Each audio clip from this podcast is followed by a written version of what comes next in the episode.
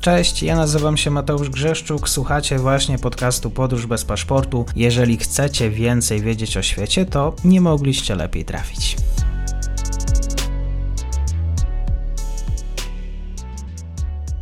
Rozpoczęliśmy niedzielę z panem Michałem Markiem, Fundacja Centrum Badań nad Współczesnym Środowiskiem Bezpieczeństwa. Kończymy również niedzielę w podsumowaniu. Dzień dobry.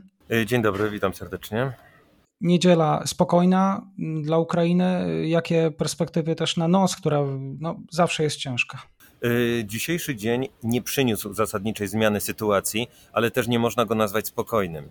Y, jeżeli możemy podsumować szybko ten dzień, to warto zaznaczyć, że y, po pierwsze sytuacja na południu kraju nadal jest złożona. Rosjanom udało się przyjąć Berdiańsk. To nie jest duże miasto, nie, nie posiada znaczenia strategicznego, jednakże y, jest to um, przejęcie tego miasta wpływa na to, że Rosjanie mogą dalej już spokojnie się przesuwać w stronę Mariupola. To właśnie też czynią, ale to, to nie oznacza, że nie oznacza oczywiście, że obrona na tym kierunku jest załamana. Nadal strona ukraińska kontroluje sytuację całościowo, przy czym właśnie ten kierunek południowy jest taki, dalej się utrzymuje, no dalej jest taki problematyczny trochę. W każdym razie idą ros siły rosyjskie w stronę Mariupola, tam jednak miasto jest już przygotowane i e, możemy spodziewać się, że Rosjanom już, no najprawdopodobniej szturm tutaj się już nie powiedzie. Miejmy przynajmniej taką nadzieję. E, jeżeli chodzi o sytuację na innych kierunkach, nadal walki, e, no dzisiaj miały miejsce walki e, o Mariupol, został on utrzymany. Po stronie zachodniej Mikołajów i Hersoń również się trzymają. Tu sytuacja wydaje się być stabilna. Na wschodzie Charków, pomimo tego, że Rosjanie starali się publikować informacje, przekonać nas do tego, iż miasto zostało zajęte, zdobyte, no nie jest to prawdą. Rosjanie zostali, miasto zostało obronione, jest pod kontrolą sił zbrojnych Ukrainy. Sytuacja jest stabilna. Kijów nie jest otoczony wbrew informacjom, które pojawiły się po godzinie około godzin 21 dzisiaj w nocy w Polski, nie tylko w polskiej infosferze. Kijów od południa jest połączony dalej z pozostałą resztą kraju. Grupy, tu warto zaznaczyć, że rosyjskie grupy, które poruszały się w stronę, e, które miały e, na celu otoczenie miasta, chociażby od strony właśnie zachodniej, mm, zostały e, rozbite to właśnie jakby z tych, z tych walk, z tych walk, w efekcie tych walk pojawiły się w sieci nagrania, które przedstawiają użycie systemów Bayraktar. E, warto właśnie zaznaczyć, że strona ukraińska aktywnie zaczęła e, używać tych systemów i publikować nagrania, które przedstawiają ich użycie. To oczywiście wpływa nie tylko na morale Ukraińców, ale tak samo właśnie na morale rosyjskiego społeczeństwa oraz rosyjskich żołnierzy. Jeżeli chodzi o pozostałe informacje, dochodzą do nas w tym momencie praktycznie godzina 21 pojawiają się informacje o działaniu grup dywersyjnych w podkijowskiej miejscowości Browary. Tak samo pojawiają się informacje o przeprowadzeniu w ciągu dzisiejszego dnia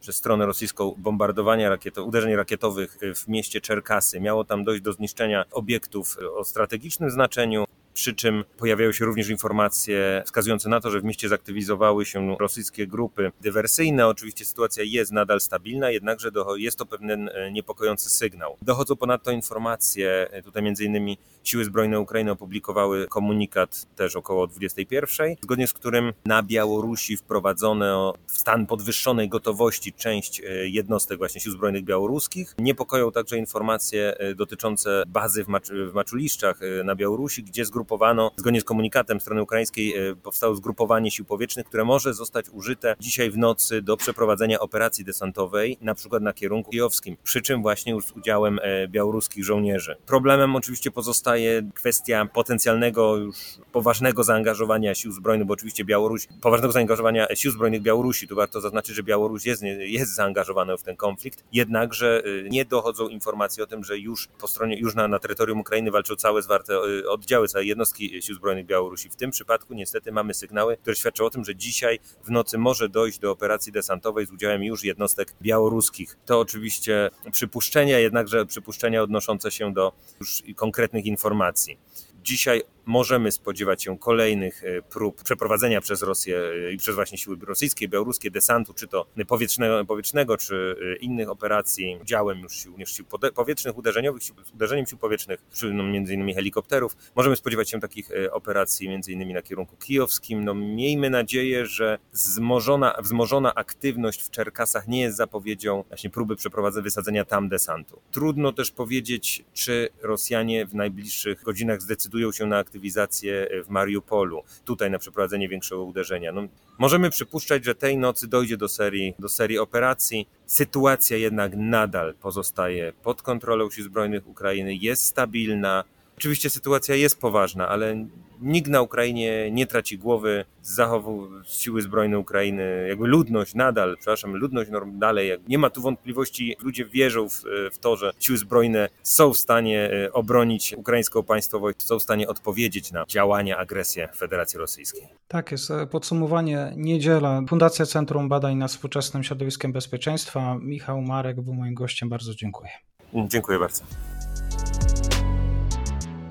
I to już koniec na dzisiaj. Zapraszam na profil podcastu Podróż bez paszportu na Facebooku, Instagramie i Twitterze. Zachęcam też do wsparcia mojej pracy na serwisie Patronite oraz Buy Coffee. Do usłyszenia.